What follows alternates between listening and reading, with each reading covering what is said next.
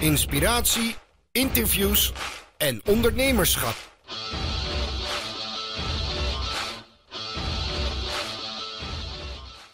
Hey uh, Suzanne, het is een tijdje geleden dat we elkaar uh, gesproken hebben. We hebben natuurlijk vorig jaar een traject uh, bij jou gedaan en ja, inmiddels ben je ook alweer een, een jaar verder.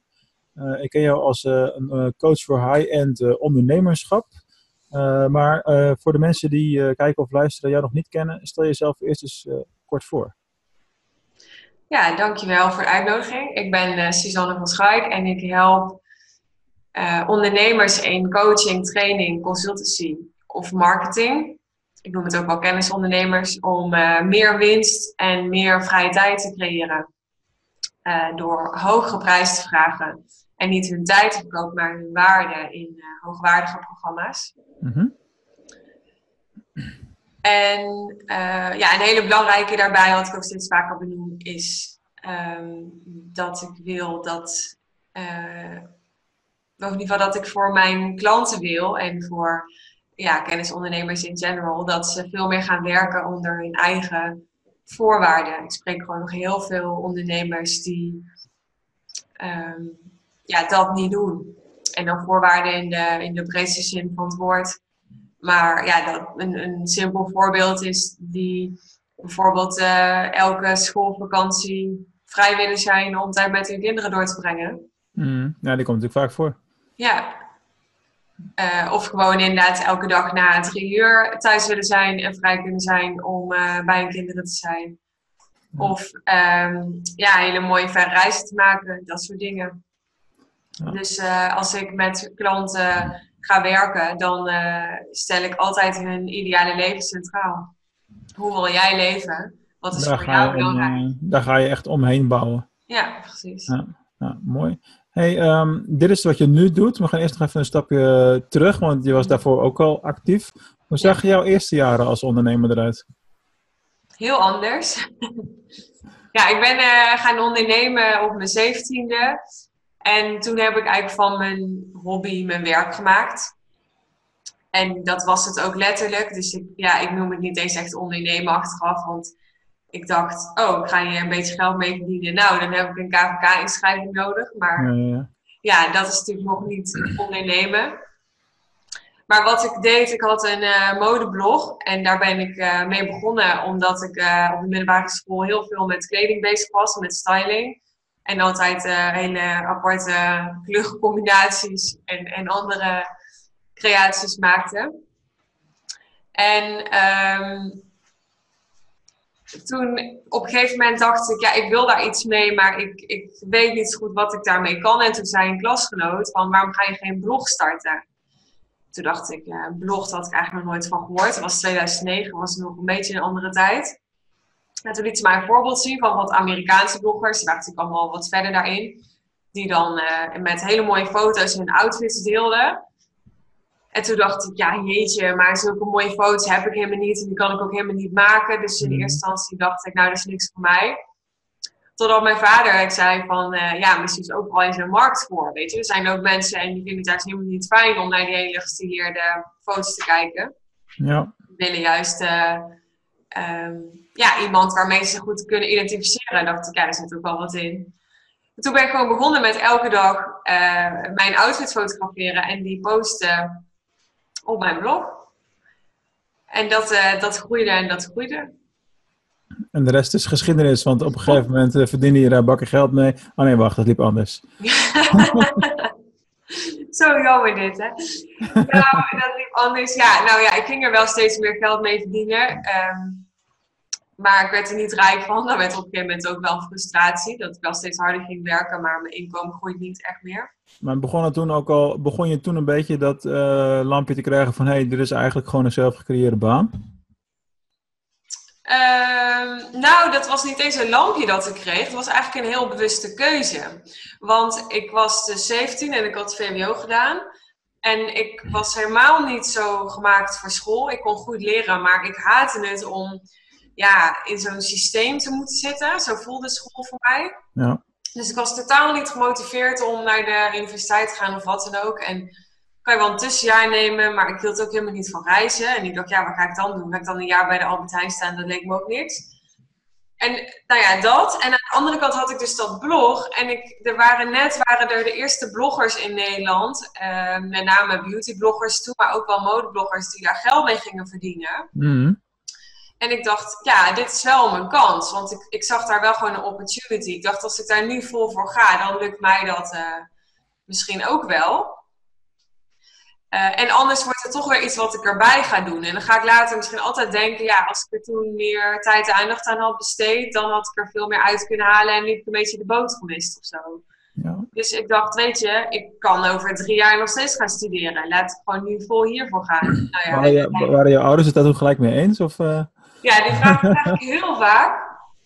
Maar ja, want um, ik was echt uh, heel serieus met dat blog. Ik, uh, ja, ik was echt super dedicated. En, uh, ja, en dat was ook duidelijk, weet je wel. Dus het was niet een, voor mij een soort van escape om Nee, nee. schoolverlaten te zijn.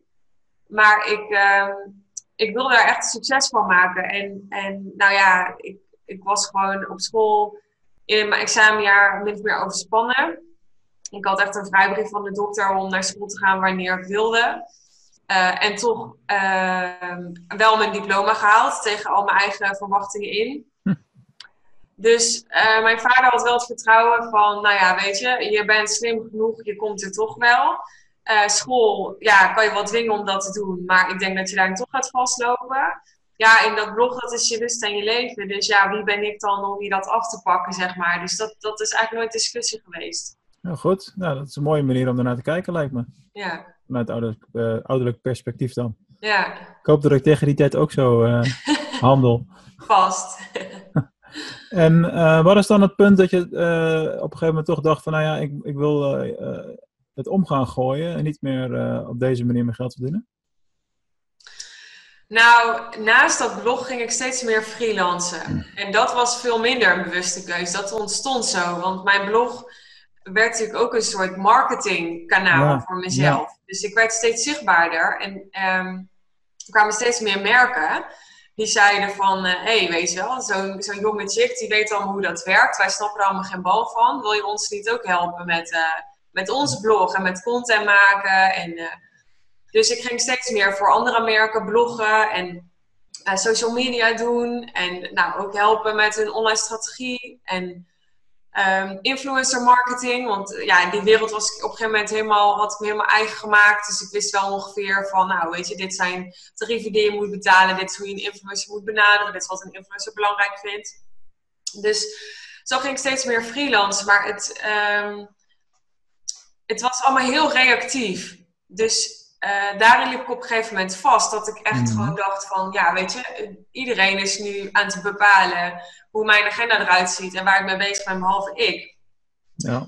Ik had ook nooit een soort doelstelling. Mijn doelstelling was gewoon um, ja, mijn eigen soort van leerschool creëren in plaats van studeren. Weet je wel, maar hoe lang dat dan duurt en tot wanneer en wanneer dat dan geslaagd was, daar had ik niet soort van meetbare doelstellingen voor gesteld. Nee. Ik was 17, wist ik veel, weet je wel. ik was zo lang bij dat ik schoenen kon kopen van het geld wat ik verdiende. Dus... Maar goed, op een gegeven moment dan word je natuurlijk ouder en dan denk je van, uh, ja, oké, okay, is dit het dan? Zo'n gevoel kreeg ik een beetje. En toen nog greep ik niet echt in, maar toen kreeg ik RSI, best wel heftig. Dus moet je wel ingrijpen natuurlijk. Ja, dus toen greep ja. ik wel mijn lichaam in, omdat ik echt uh, idioot veel achter de laptop zat en mezelf echt een hoge werkdruk had opgelegd. En toen werd ik gewoon wakker op een dag en mijn arm deed zo pijn. En ik dacht echt gelijk van, oh, dit is echt niet goed. Dit is ook niet morgen over. En toen moest ik inderdaad verplicht uh, rust houden. Omdat de therapeut echt tegen mij zei, ja, als je dat nu niet gaat doen, dan ga je echt de rest van je leven hier last van houden. En ik dacht echt, nee, ik ben 23. Dat kan echt niet. Kan ik daar nooit meer achter de computer zitten. heb ik geen leven meer. Had je niet zoiets van, je pak gewoon de hand gewoon klaar? nou, ben ik toen wel gaan leren. Ik kan nu met twee handen muizen. Ja, precies. Dat, dat, dus, ja, dat, dat herinner ik me nog graag uh, van de, dat toen ik mijn pols, uh, mijn rechterpols heb gebroken op 14-jarige leeftijd. Dan ga je ineens ja. alles moeten leren. Klopt, ja, maar RSI is toch weer net wat anders. Want het is natuurlijk ook iets, dat legt die therapeut mij ook uit. Bijvoorbeeld uh, mensen die heel veel gamen, die hebben dat eigenlijk nooit. Terwijl die ook soms heel veel achter de computer zitten. Maar dat, dat is interessant, die combinatie. Dat is heel interessant, want die combinatie heb ik ook. Ja, maar wel in RSI ook. Nee, helemaal niet. Maar wij zijn thuis Oh, ook gamers. Dus, Ja. dus die combinatie met het gamen, dat begrijp ik wel. Want je zou zeggen, daar moet je ook last van krijgen. Ja. Maar is niet zo. Maar het is dus minder, want vaak voor mensen die dat doen is dat dus ontspannend. Maar ik ervaarde ook gewoon best wel hoge Ja. werkdruk. En dat is eigenlijk waarom je dat ook krijgt. Dus ik dacht, Ah. ja, je kan wel gewoon dan verder gaan met je andere arm. Maar het is natuurlijk niet voor niks dat je lichaam zo'n signaal geeft. En het was ook de houding. Dus ik kon eigenlijk, in het begin kon ik bijvoorbeeld ook bijna geen boek lezen. Ja, ja, Omdat ja. gewoon die houding van zo zitten was gewoon pijnlijk. Dus ehm, ja, dat gebeurde toen. En toen moest ik verplicht, verplicht rust houden. En toen ging ik boeken lezen. Vond ik altijd al heel tof als kind. Maar daar had ik gewoon nooit meer tijd voor gemaakt. En toen ging ik allemaal boeken lezen over ondernemerschap. Want dat vond ik interessant. En toen dacht ik echt... Oh, ik ben echt eh, helemaal niet goed bezig. Het moet echt allemaal heel anders. Ik moet echt ondernemer worden. Want toen voelde ik wel van, het zit er wel in, maar ik heb gewoon nooit echt, ehm, ik heb het nooit echt gedaan, weet je wel. Ik heb Mhm. altijd maar ja, een beetje gefreelanced en dan kwam er weer een opdracht op mijn pad en dan zei ik, ja is goed. En dan had ik Ja. weer een klusje en dat is gewoon hoe het ging. Dus ik dacht, nee, het moet echt anders. Ik moet echt een, een eigen product hebben en, en ik wil het groot gaan maken. Weet je wel, niet meer zo, zo van dat, zo'n zo'n mutsbedrijf. Gewoon iets wat echt, ja, wat staat. En... Maar goed, ik had nog geen idee wat. Is het nog steeds interessant? Ja, je, je, werkt- je, je maakt een mooie brug naar mijn volgende vraag toe, maar dat weet jij natuurlijk niet. Nee, dat weet ik niet. Nee, oké. Maar nou, dan zal ik het nog even afmaken. Maar eh, toen kwam ik ehm, weer via podcast. Want dat was ook de tijd dat ik begon met podcast luisteren. Had ik daarvoor nog nooit van gehoord. Maar ik dacht, hé, wat is dat? Ik ga dat Van, doen. van wie? En toen kwam ik bij de podcast van Michael Pilarczyk. Oké. En toen was ik helemaal, eh, ik dacht van, eh, ja, was ik helemaal in de ban van zijn verhaal. En toen ging hij net een paar weken later eh, Maximum Potential doen voor de tweede of derde keer of zo. En toen dacht ik, heb ik heel lang getwijfeld, want ik vond dat echt heel duur voor twee dagen. Maar het trok zo aan mij dat ik, ehm, nou het ging trouwens anders, moet ik eerlijk zeggen. Ik werkte toen samen met de kunstenares, dat was ook nog een side project. En op een gegeven moment hadden wij een soort van afspraak gemaakt. Want eh, ik had het met haar daarover gehad dat ik heel erg daarheen wilde. Dat als we een bepaald ehm, kunstwerk van haar zouden verkopen, dat we daar dan heen zouden gaan als soort van Aha. beloning voor onszelf. En zo ging het. En we, en we verkochten dat. En toen gingen we daarheen.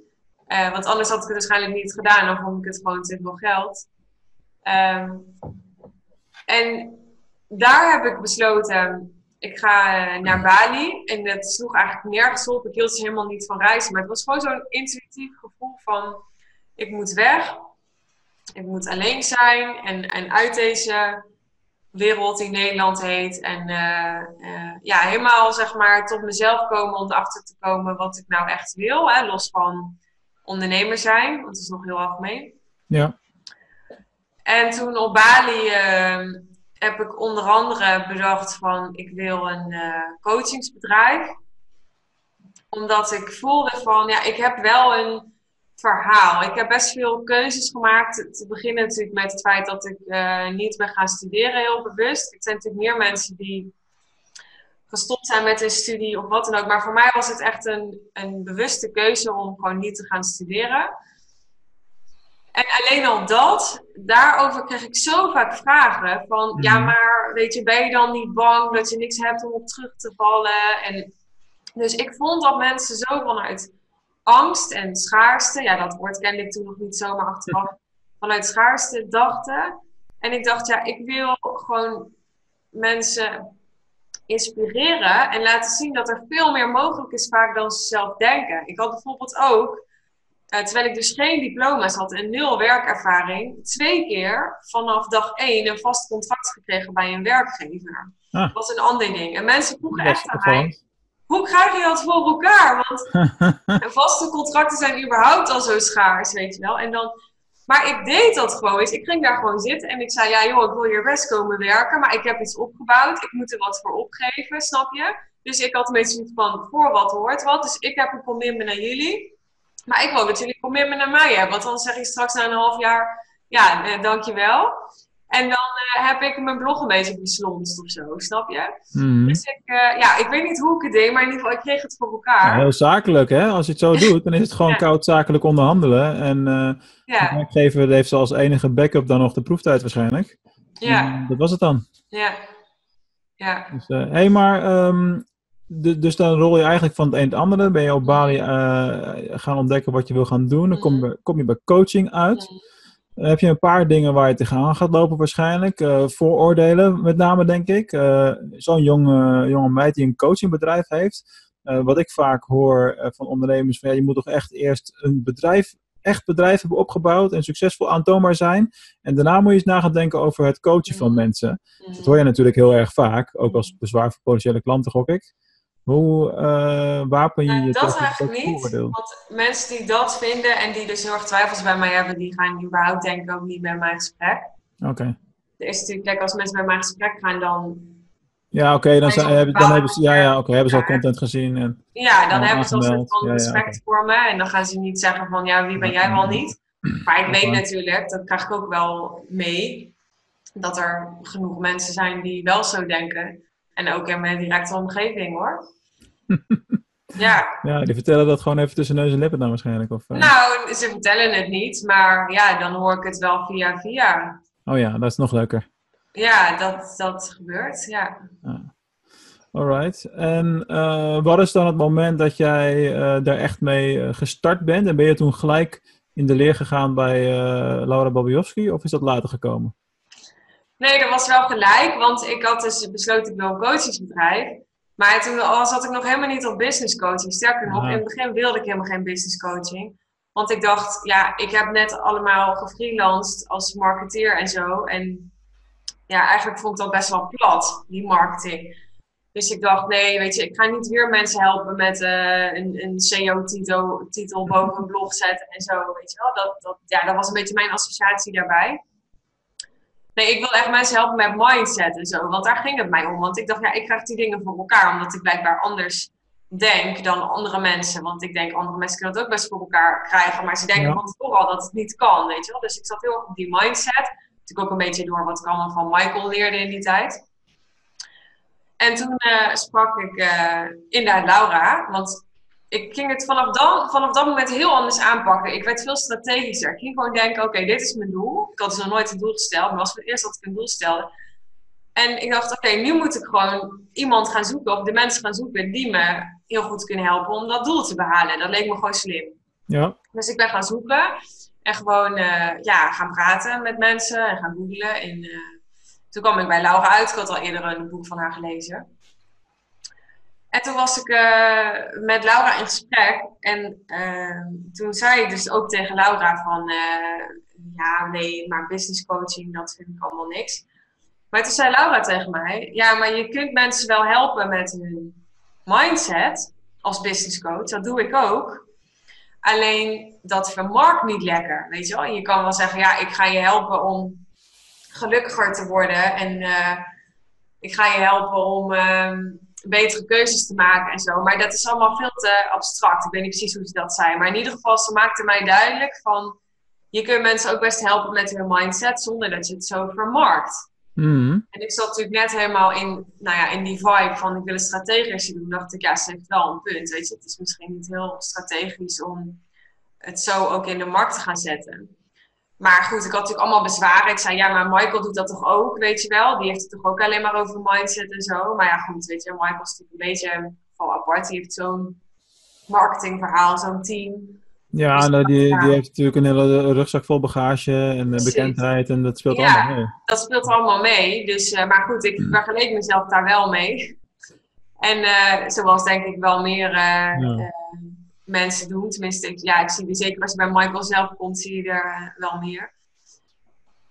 Maar toen realiseerde ik me wel van, ja, ik ben misschien inderdaad niet helemaal vergelijkbaar met Michael. En toen dacht ik, eh, oké, nou, eh, laat ze me dan maar. Ik, het was eigenlijk gewoon door die opmerking dat, dat Laura mijn vertrouwen won. Dat ik dacht, ja, ik vond dat gewoon wel een slimme opmerking.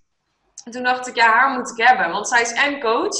En ze snapt dat ik hier geld mee wil verdienen. En die combinatie zocht ik. En die combinatie is echt schaars in Nederland, zeg maar. Dus de, de goede coaches die ook goede ondernemers zijn, is best wel schaars. Mhm. En dat, ja, dat vond ik eh, bij haar. En eh, ja, toen ben ik met haar gaan werken. Top. En eh, nou, we zijn al, dat zal al een aantal jaar geleden zijn, ik denk twee, drie jaar verder op zijn minst. Wat betekent high-end ondernemerschap inmiddels voor jou? Nou, het zit me niet zo heel veel verder, hè. Het is pas eh, anderhalf jaar. Nou, dan was ik er gewoon vroeg bij. Ging er gewoon vanuit. Ja, want dat- ik, dat ik ik- ben, dat dit was zomer 2017. Ah, nog geen twee jaar. Valt wel mee, ja. Oké, het- het voelt langer. Ja.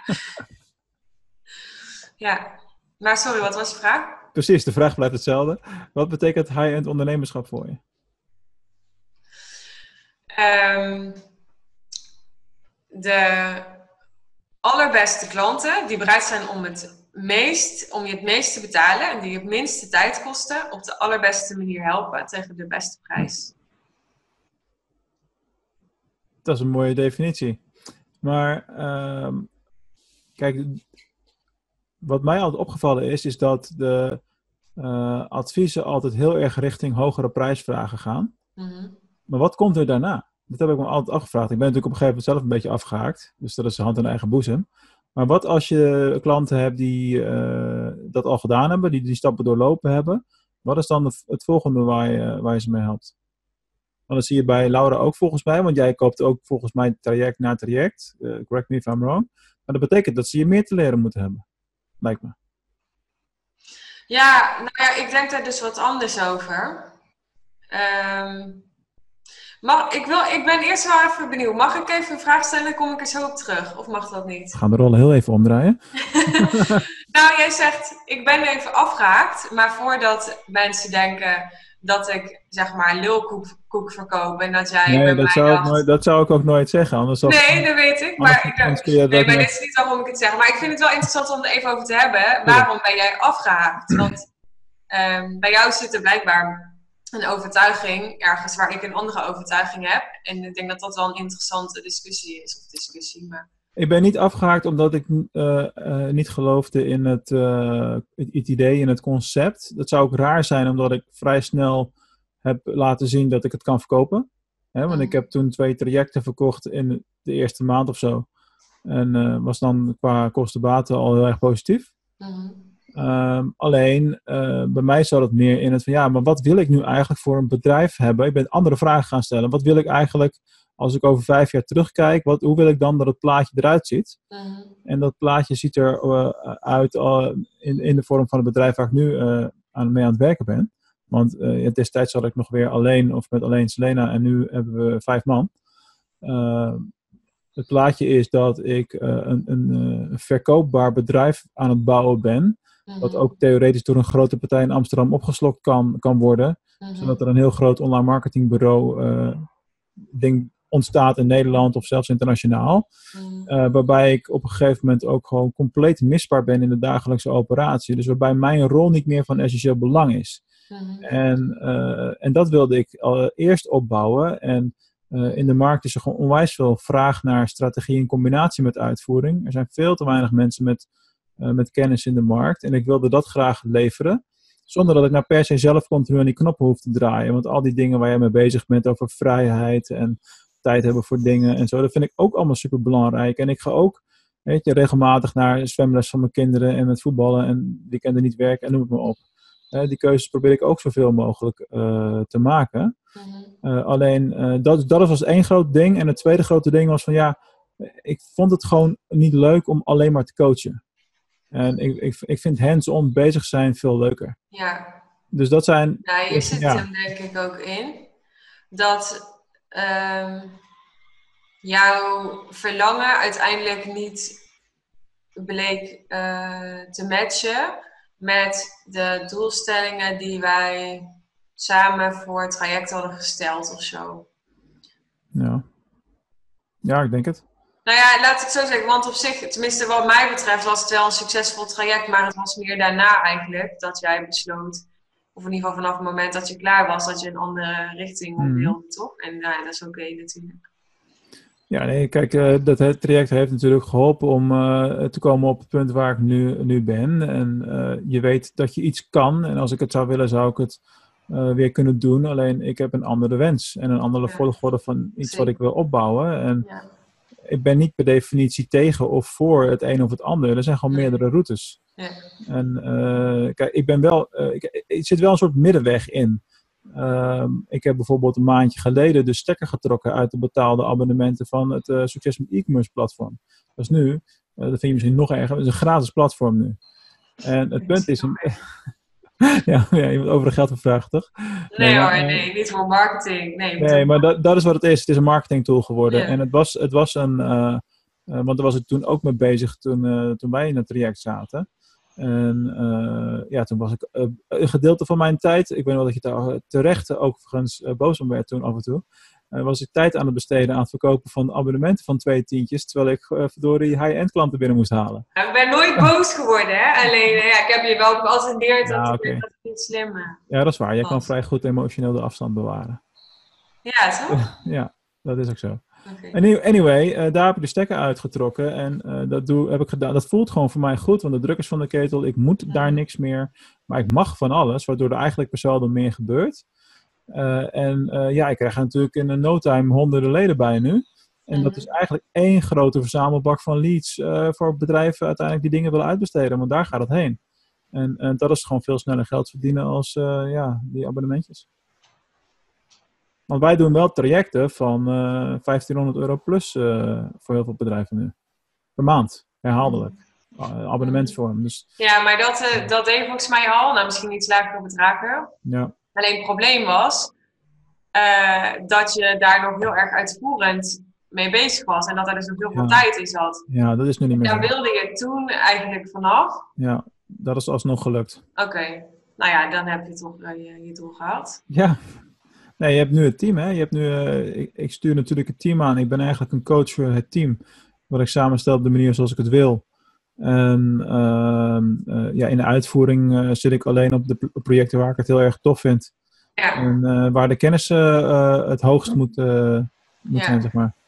En toch denk ik, maar goed, daar hebben we het ook eerder over gehad, dat ehm, je ook met een team hoogwaardige programma's kunt aanbieden. Ja, maar dat kan een volgende stap zijn, hè? Want ja, ik ben daar dus nou ja, dat hoop ik. Dat is, dat is, dat, ja, precies. Dat is een, ik ben daar echt niet principieel voor of, of tegen. Dus zo kijk ik gewoon helemaal niet tegenaan. Ik ken genoeg mensen die, als ik dan wel eens vertel over Laura's methode of over wat ik met jou heb gedaan, uh, dan zijn ze of heel erg geïnteresseerd van, oh, hoe werkt dat dan? Of uh, allergisch of zo. Ja. Er is niet, dit is best wel zwart-wit. En ik heb van, joh, uh, het zit ergens in het midden, de waarheid. Dus nou ja, er is sowieso geen waarheid eigenlijk. Ja, ik, ik. Weet je, het is, het is gewoon wat wil je bereiken? En wat is de slimste manier om daar te komen? Ja. Snap je? Dus er is ook niet inderdaad één waarheid, want het, het begint met jouw pijn, jouw verlangen. Hè? Wat wil je dat er verandert? En ja, ik geloof wel, um, en dat is niet per se mijn waarheid, maar dat is gewoon wat ik, wat ik, in, de, uh, ja, wat ik in de praktijk elke keer weer concludeer dat voor coaches, trainers, consultants of inderdaad ondernemers die een coachingstrainings- of consultancybedrijf hebben met een team, uh, het high-end inkomensmodel het slimste model is. Omdat andere modellen gewoon minder winst opleveren en mhm. meer tijd kosten. Uh, maar ja, dat neemt niet weg dat je daarvoor mag kiezen natuurlijk. Je mag voor een model kiezen wat jou uh, uh, meer tijd kost. Als je zegt, ja, ik vind het helemaal niet erg om 60 uur per week te werken. Ik, wil, ik bepaal natuurlijk niet uh, dat dat niet mag of zo. Ja, maar dan is er nog een verschil, uh, lijkt mij, tussen of het jou veel tijd kost of dat, het, weet je, of dat je uren verkoopt. Of wat. Er zit ook nog een groot verschil tussen natuurlijk. Hè? Wat, wat, wat levert jouw persoonlijke uur aan waarde op? En ook als je een team hebt, wat is de kostprijs van het team? Wat blijft er over na een maand? Uh, al die factoren moet je bij elkaar uh, gaan, gaan nemen. Tuurlijk, maar ook voor een team geldt dat je moet een team wel betalen. Dus dat, ik heb daar gisteren nog gesprek over gehad met een ondernemer. Die zei ook, ja, maar kan net toch een marge oppakken?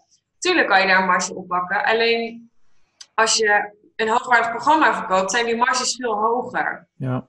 Want je verkoopt niet de tijd, hè? want alsnog verkoop jij nu waarschijnlijk, ik weet niet hoe je het nu doet, maar de uren van jouw team. En natuurlijk pak jij daar een marge op. Maar je kunt ook de waarde van jouw team gaan verkopen. En doe je hetzelfde als waar wij mee bezig zijn geweest, alleen dan met een team.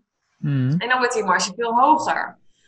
Snap je? Dus ehm, bovendien, het team, en zeker naarmate dat team groter wordt, want ik ben ook helemaal niet tegen een team, maar ik ben wel voor ondernemers die veel vrijheid willen en die minder willen werken, zou ik wel willen zeggen: houd je team zo klein mogelijk. Mhm. Want hoe groter, hoe meer je moet managen, hoe meer zorgen je hebt. En ik kan niet uit persoonlijke ervaring spreken, want ik heb dat nooit gehad, maar ik heb er genoeg gesproken die ehm, ja, daar niet blij van werden. Die, eh, ja, of je moet op een gegeven moment zo'n groot team hebben dat je eh, daar weer een manager op kunt zetten en dan zelf alleen nog maar eigenaar bent. Dat, dat gebeurt natuurlijk ook. Maar zelfs dan, je hebt dan dus een heel groot team en het kan niet anders. Of dat brengt ook hele hoge kosten met zich mee en drukt dus enorm je winst. Ja. Ja, daar zijn allerlei eh, risico's in. Hè? Dat, dat is duidelijk. Zo mooi om te zien hoe gepassioneerd je daarin bent en hoe jij vecht voor de, de high-end ondernemerroute. Dat is echt wel cool om te zien. Ja, Hey, wat maakt dat voor, we draaien rollen ondertussen weer om. Wat maakt dat voor jou zo leuk, dat één op één coachen? Nou, ik coach niet alleen maar één op één, hè. Het is ook wel in een groep. groepsdagen, ja. Ehm, dus het, het gaat mij, ik vind niet één op één leuker dan in een groep, om eerlijk te zijn. Maar wat ik zo Ja. leuk vind aan coachen, is ja, dat het levens verandert. Ja, dat klinkt heel cliché, maar ik had in januari een live dag. En ehm, ja, ik word zelf natuurlijk ook steeds beter als coach, naarmate ik meer ervaring opdoe. En ehm, de vorige live dag waar jij bij was, toen ik dat voor mezelf evalueerde, dacht ik, vond eigenlijk dat ik te veel zelf aan het praten was geweest, aan het presenteren. Mhm. En ik dacht, dat moet anders, want zo'n live dag moet echt een doorbraak creëren. Dat is wat ik wil. En dat gebeurt op het moment dat jij zelf voor jezelf vragen gaat beantwoorden, gaat nadenken, gaat reflecteren en tot inzichten komt, gecoacht wordt op vraagstukken die je hebt. En zo heb ik de laatste live dag veel meer ingestoken, dus veel minder op kennis. Ja. Want die kennis die geef ik wel, weet je, die krijgen mijn klanten wel. Ehm, maar ik dacht, nee, er moet, het moet veel meer nog op, op doorbraken zitten. Dus eigenlijk, ehm, ja, toch ook wel wat Michael ook doet, hoewel hij ook veel kennis deelt. Maar als je naar zijn event gaat, draait het natuurlijk heel erg ook om, om nadenken over wat wil ik nou en zo. Nou, dat doe ik niet, hè. Ik heb wel klanten die weten wat ze willen. Maar wel, hè, hoe kan je nou de transformatie die je met je klanten bereikt nog groter maken? Bijvoorbeeld, hè, waardoor je nog meer waarde levert, waardoor je nou, bijvoorbeeld weer een hogere prijs kunt vragen. Of hoe kun je, hoe kun je nou je niche zo aanscherpen dat je een nog betere klant kunt gaan bedienen, die nog sneller resultaat kan halen met jouw programma. Weet je wel, Mhm. dat soort vragen. En ehm, ja, ik, er waren echt drie eh, van de vier mensen die er waren. Er konden er helaas een paar niet, dus dat een klein groepje. Maar we waren echt eh, een paar keer geëmotioneerd die dag. Er kwam zoveel los. Ja, en dan, dan ontploft mijn, eh, mijn hart, weet je wel. Dat, dan denk ik, ja, dat, dat vind ik fantastisch. ja. En dan heb je ook het gevoel dat je een verschil kan maken. Ja, daarom, ja. Ja. Ja. Hey, ehm, maar wat, wat is dan, eh, om dat beeld te schetsen, want je, je vergelijkt jezelf eh, niet heel rechtstreeks, maar wel een beetje af en toe met Michael, in ieder geval de leer daarvan ook meegenomen. Eh, maar goed, als je een programma van hem nu vandaag de dag doet, dan heb je het inderdaad over die tweedaagse. Dat is natuurlijk wel alles met peren vergelijken, want jij hebt een, een jaartraject. Ja, nee, ik wil mezelf helemaal niet met Michael vergelijken hoor. Nee, maar het is meer dat ik. Ik ben natuurlijk wel ook door hem geïnspireerd, maar ook door een heleboel andere mensen hoor. Dit Ja. komt nu even ter sprake, maar Ja, het is echt niet alleen Michael. Hij krijgt vaak dezelfde voorbeelden van, eh, van gasten, die zijn toch wel top of mind dan. Eh, ja, nou, ik moet zeggen, ik dacht gisteren weer, hmm, zal ik weer een keer naar zijn event gaan? Ik, eh, Met Dentenia. toch- nou, bijvoorbeeld. Dat Maar lijkt dat- me echt niks, dat lijkt me echt niks voor jou. totaal tegenovergestelde. Ja, en, ja, ja dat, Ja. dat is ook wel zo. Maar ik, heb, ik vind dat wel heel inspirerend. Mhm. Heb je Ja. al een 25k programma zelf? Eh, nee, wel eh 20, als ik het goed zeg. Met de bijna. Ja, maar het is geen doel op zich. Hè? Dat is ook iets wat, uh, wat, ik, wat, snap ik, soms wel zo lijkt, misschien door mijn marketingboodschap. Ja, ja dat, maar goed, dat is gewoon een insteek die je hebt gekozen. Dan moet je ja. ook wel weer doorheen kunnen kijken natuurlijk. Ja, maar het is, ja, het is echt oprecht geen doel op zich. Het is ook voor mijn klanten niet. Hmm. Weet je, het, is... Uh, uiteindelijk gaat het erom wat, hoe kan je de waarde die je levert zo groot mogelijk maken en hoe kan je die het beste verzilveren. Ja. En ja, als dat in jouw situatie een programma van 5000 euro is, is dat ook oké. Alleen, ja, ik ben ambitieus en ik hou gewoon van goede resultaten. Ik ben resultaatgericht, dus ik vind het gewoon tof om klanten te hebben die ja, programma's van 50.000 euro of meer willen verkopen, die daar ook zo minst naartoe willen. Snap je? Daarom richt ik me daarop. Ja, nou goed, je legt de lat uh, voor je deelnemers in het programma ook gewoon wel hoger. Want uh, wat bij mij bijvoorbeeld heel erg is is het zegt veel vaker nee tegen hele kleine dingen, weet je wel. Als iemand, uh, mijn basisdingetje is nog steeds minimaal één dag in de maand. Dus 8 uur, 750 euro, daar begin je mee. Als iemand daar overal een beetje gaat hakkelen, als het ware, en het, wordt, het moet kleiner dan dat, dan haak ik af. En dat deed ik vroeger niet. Hè? Dan, je pakt ook vier uurtjes per maand, maar daar kun je geen verschil in maken schiet niet op. En uh, daar wordt niemand echt, uh, echt blij van. Dat is in ieder geval één ding wat wel is blijven plakken. Je kunt beter achter die grotere accounts uh, aangaan, maar dan kun je veel meer verschil maken. Ja. Dus, maar goed, maar toch, ook... wat ik oprecht nog niet begrijp, is dat ze nog steeds uren verkoopt. Ja, dat snap ik wel. Dat is, ja, daar hebben we het of er wel even over. hey, um, hoe, als je naar je deelnemers in het programma kijkt, wat is voor hun uh, gemiddeld genomen nou de grootste valkuil? Oeh, dat is een leuke vraag. De grootste valkuil?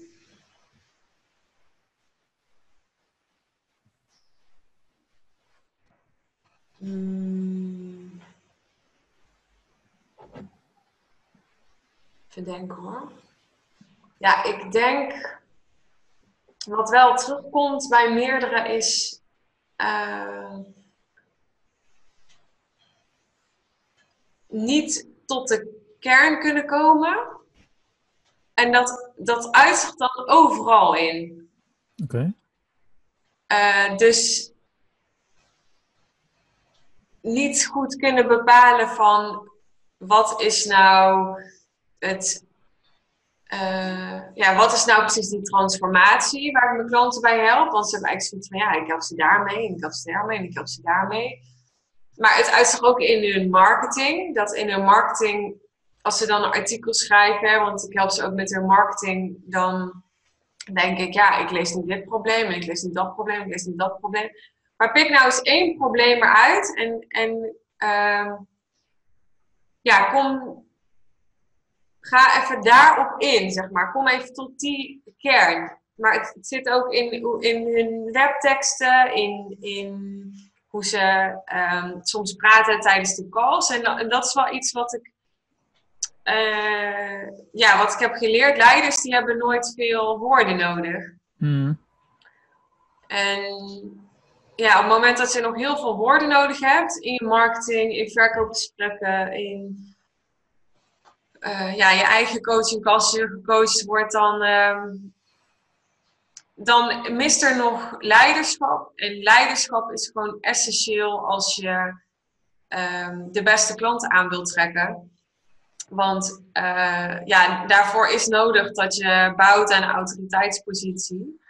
En dat je geloofwaardigheid creëert. En dat doe je alleen als je um, ja, vernieuwende ideeën hebt waarmee je leiderschap uitstraalt. Ik hoop dat het niet heel vaag klinkt. Nee, want letterlijk mijn volgende vraag op papier, want ik kijk heel af en toe naar een, uh, een vragenlijstje als ik uh, inspiratie even moet zoeken. is, uh, hoe ben ik zo nou... oninspirerend? Ik doe dat voor iedereen, Suzanne. Ik bestel okay. altijd genoeg vragen Mijn ego, mijn ego. Nee, stel je voor dat je, een, dat je na een kwartier doodvalt, dan ben je toch ook gewoon de Sjaak eigenlijk? Dat ben je niet hebben natuurlijk. Maar hoe ziet dat er dan voor jou uit, persoonlijk leiderschap? Dat stond er. Ja, uh, persoonlijk leiderschap. Nou, persoonlijk leiderschap is echt gewoon de regie nemen over je eigen leven. Ja. Dus je eigen leven ontwerpen. Dat is precies wat ik vroeger niet deed en wat ik nu wel doe. En uh, ja, dat, dat is persoonlijk leiderschap. Maar leiderschap komt in, op vele manieren terug in mijn traject. Want leiderschap is bijvoorbeeld ook heel belangrijk uh, tijdens verkoopgesprekken. Mhm. Kijk, een, een verkoopgesprek op hoog niveau vraagt dat je regie neemt over het gesprek. Ja. Uh, maar het komt ook terug in marketing. Als jij niet een standpunt in durft te nemen en voor je visie durft te gaan staan. En bang bent om mensen af te schrikken en daardoor maar continu je eigen punt gaat nuanceren. Mhm. Ja, daar ga je geen uh, fans mee creëren. Als je probeert te voorkomen dat je mensen afstoot, dan ga je niemand aanspreken. Mhm. Nee, dat, dat, dat, klopt. Dat is ook wel een van de dingen die bij ons uh, uh, vorig jaar veel sterker is, is geworden. Zeker sinds ik het team, weer een team heb. Dus wij zijn bijvoorbeeld heel veel meer gaan communiceren over SEA en conversieoptimalisatie als speerpunten van de organisatie. Mhm. Dat je daarmee in een relatief korte tijd echt een verschil kan maken voor een eindklant. En daar zijn we dan ook het beste in. En dat claimen we ook. En als iemand bijvoorbeeld alleen Facebook marketing als product zou aanvragen bij ons, dan verwijzen we door. En dat, Ja. en dat, en dat levert, uh, en dat is gek, want dat kost je aan de korte termijn soms omzet, maar op de lange termijn, het levert heel veel respect op. En van, oh, wat fijn dat je tenminste duidelijk bent, krijg je heel vaak te horen dan. En dat is inderdaad ook een, een vorm van, van leiderschap natuurlijk. Ja. Zeker. Maar goed, en nog heel even teruggekomen op die, die valkuil voor de mensen in jouw groep. Hè? Je zegt uh, het is voor hen moeilijk om tot de kern uh, te komen. Maar waar zit hem dat dan in? Want uh, ja, als, als je een bij wijze van spreken een, een doelen, je doelen stelt en je hebt dat stukje gehad, dat, dan is het toch in feite gewoon zo recht mogelijk naar je doel toe. Ja. Of ben ik dan al heel erg simpel aan, aan, aan Jip en Janneke aan het maken, zeg maar? Nou, daar hou ik heel erg van, van simpel maken. Uh, dat is in, de, in theorie is dat wel zo en in de praktijk dus niet. En waarom niet? Omdat je weerstanden tegenkomt.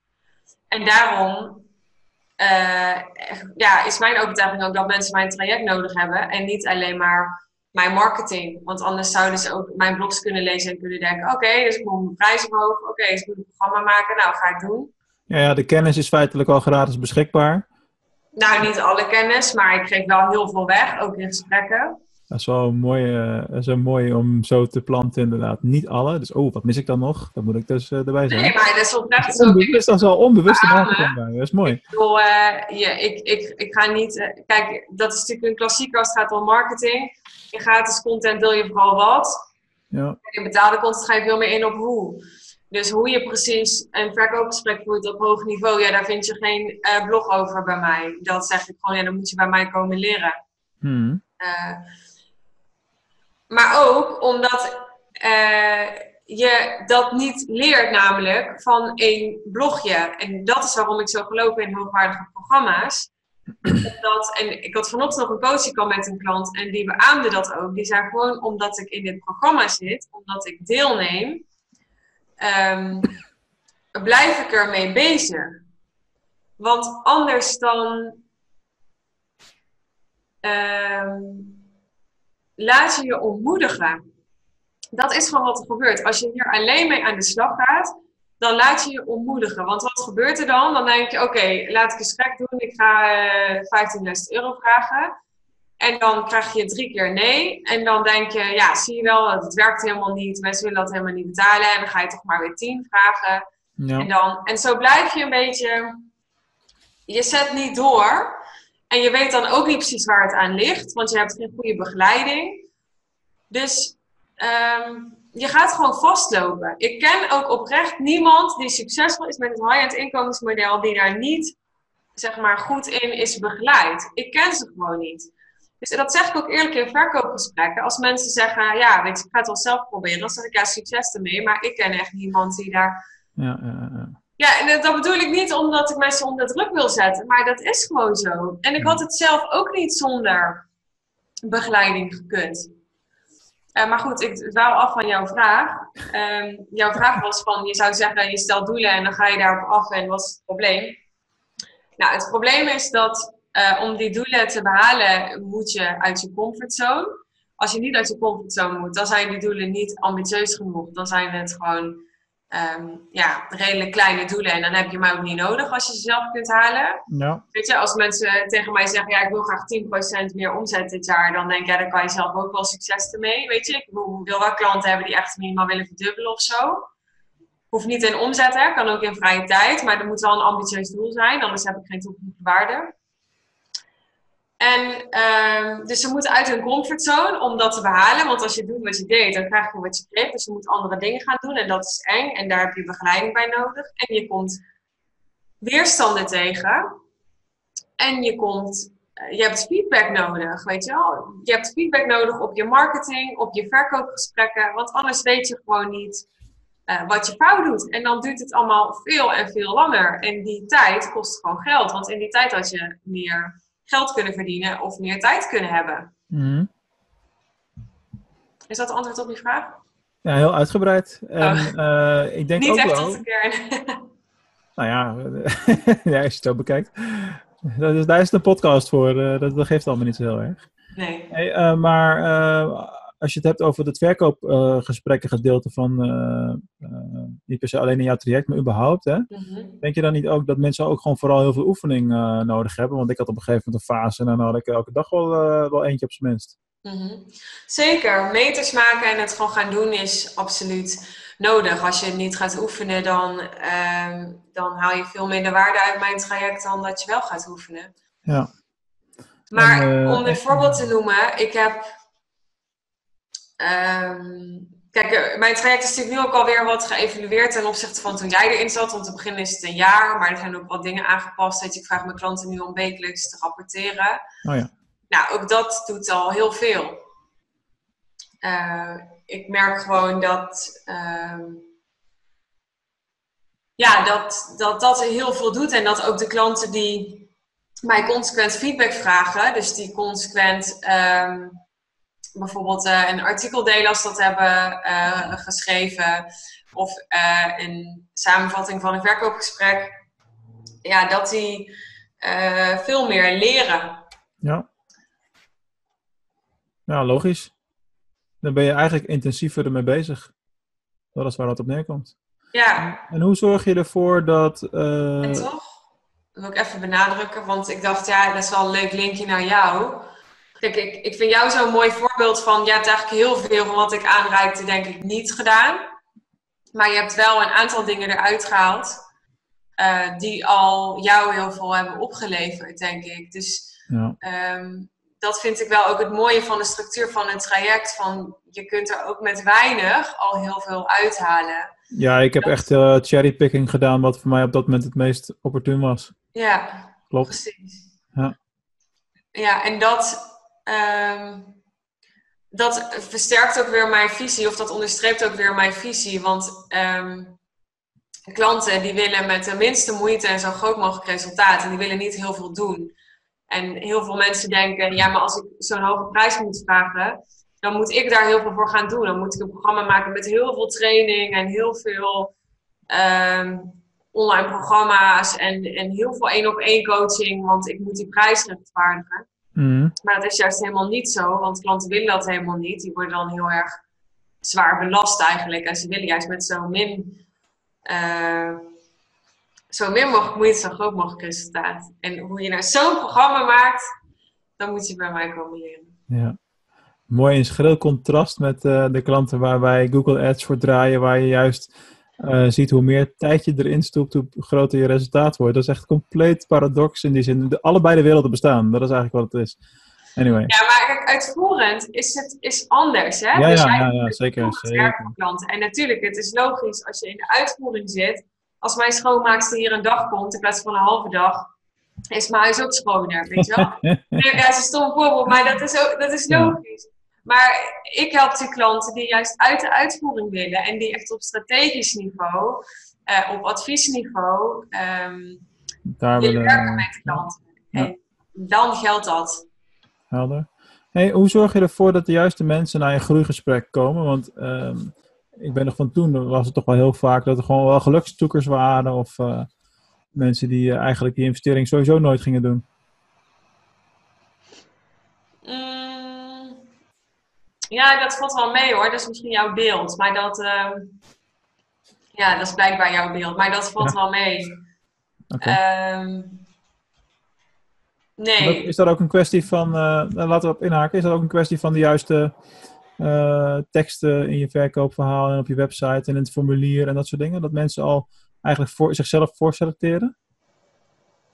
Ja, dat is een kwestie van, van je marketing. Ja. Van op wie market je je en, en je marketingboodschap. Wat voor type mensen spreekt die aan en wat voor niche kies je. En ehm, ja, zeker. Daar ben je natuurlijk zelf voor een groot deel verantwoordelijk voor. Ja. En dan nog kun je als mensen met je in gesprek willen zelf bepalen of jij dat ook wil. Of je denkt dat iemand geschikt is en of dat passend is. Ja, helder.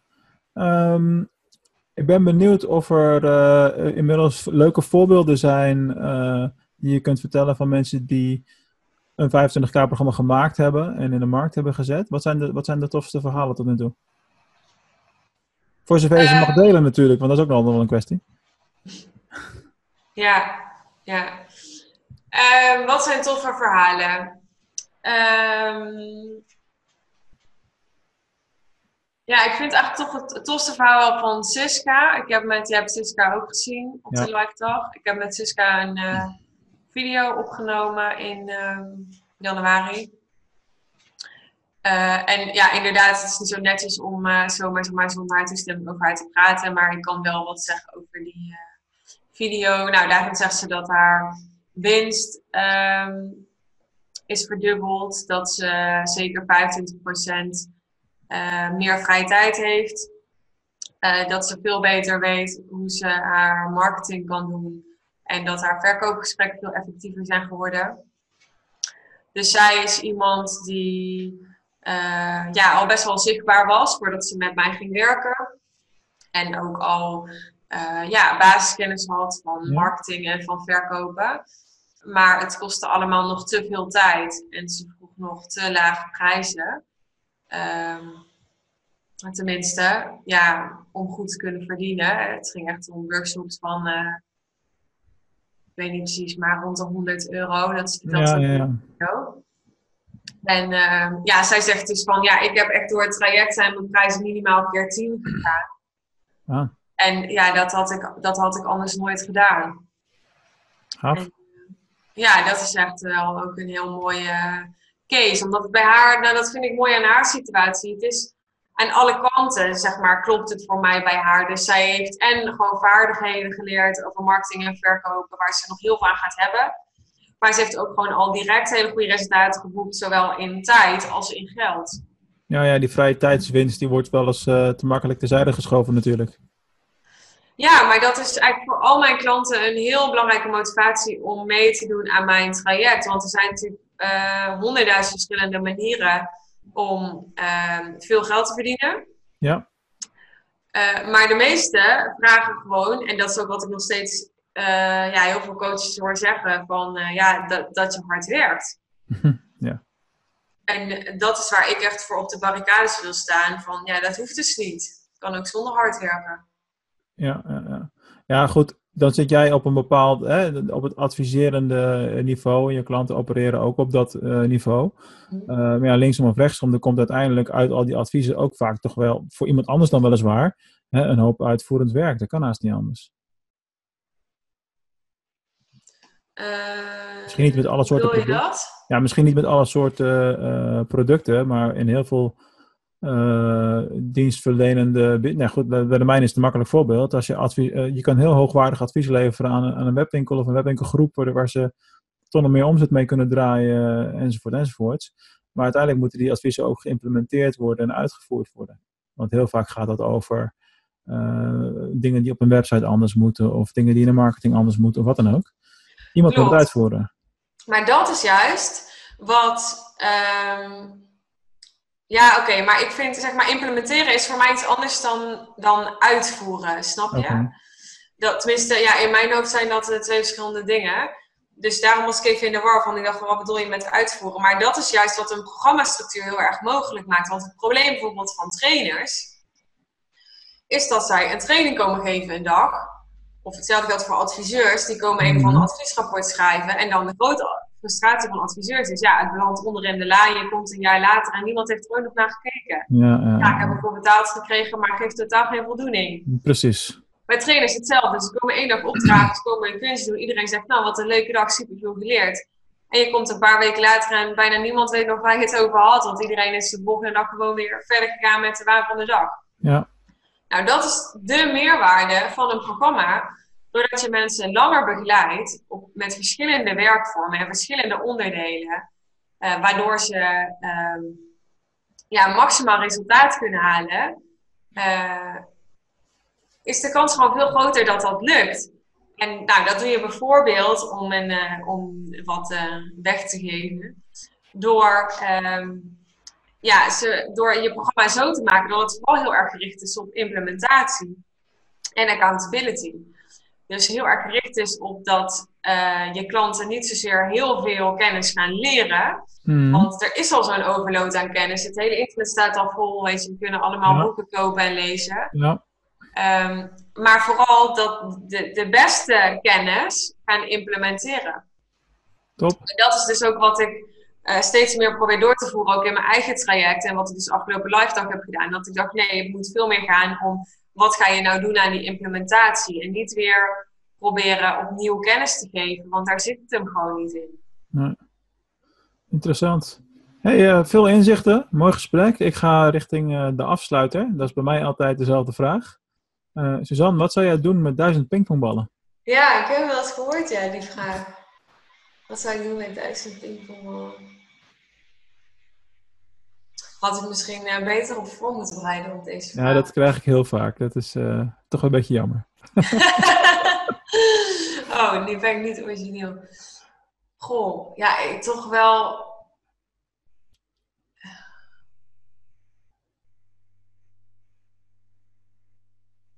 Wat is het leukste antwoord dat je hierop hebt gehad? Er is tijdrekken, dames en heren. ja, ik denk toch iets commercieels. Maar ik, ik weet even nog niet wat. Maar ik zou wel. ehm, en kijk, duizend pingpongballen zijn natuurlijk op zich niet zoveel waard. Maar misschien eh, iemand iets, eh, iets mee laten maken. Gewoon een. Het is echt de essentie van jouw persoon, wat je nu zegt. Iemand iets mee laten maken. Wat heel vaak gebeurt bij deze vraag is dat mensen zeggen zelf iets mee te maken. Dan bedenk ik iets creatiefs. Eh, of eh, ik zet ze op marktplaats, of ik zet mijn logo erop. Dat is dan het commerciële stukje. oh. Maar niemand anders dan Suzanne denkt natuurlijk: nee, ik laat iemand iets doen, want alles moet uitbesteedbaar zijn. Zo, een doos Nee, met maar duizend ook dat ik denk, ja, wat moet ik maken van duizend pingpongballen? Ik ben geen kunstenaar of zo, maar ik zit wel, nu ik even iets tijd heb gerekt om ook na te denken, denk ik, ja, je kan er misschien best wel bijvoorbeeld een vet meubel of zo van maken of zoiets. Maar dat zou ik dan laten doen. Ja, dat zou ik denk ik doen. Ja, dat wordt dan, ik weet het volume, want ik heb ooit zo'n doos gehad met duizend pingpongballen, daadwerkelijk. En eh, dat wordt dan een kinderstoel ongeveer. Oh, oké. het valt best tegen het volume. Ja, Ja. klinkt veel, maar dat valt Ja. inderdaad tegen. Hey Suzanne, bedankt voor je inzichten. Ik vond het een mooi gesprek. En eh, iedereen Ook. ook weer bedankt voor het kijken of luisteren. Ah ja. Doeg!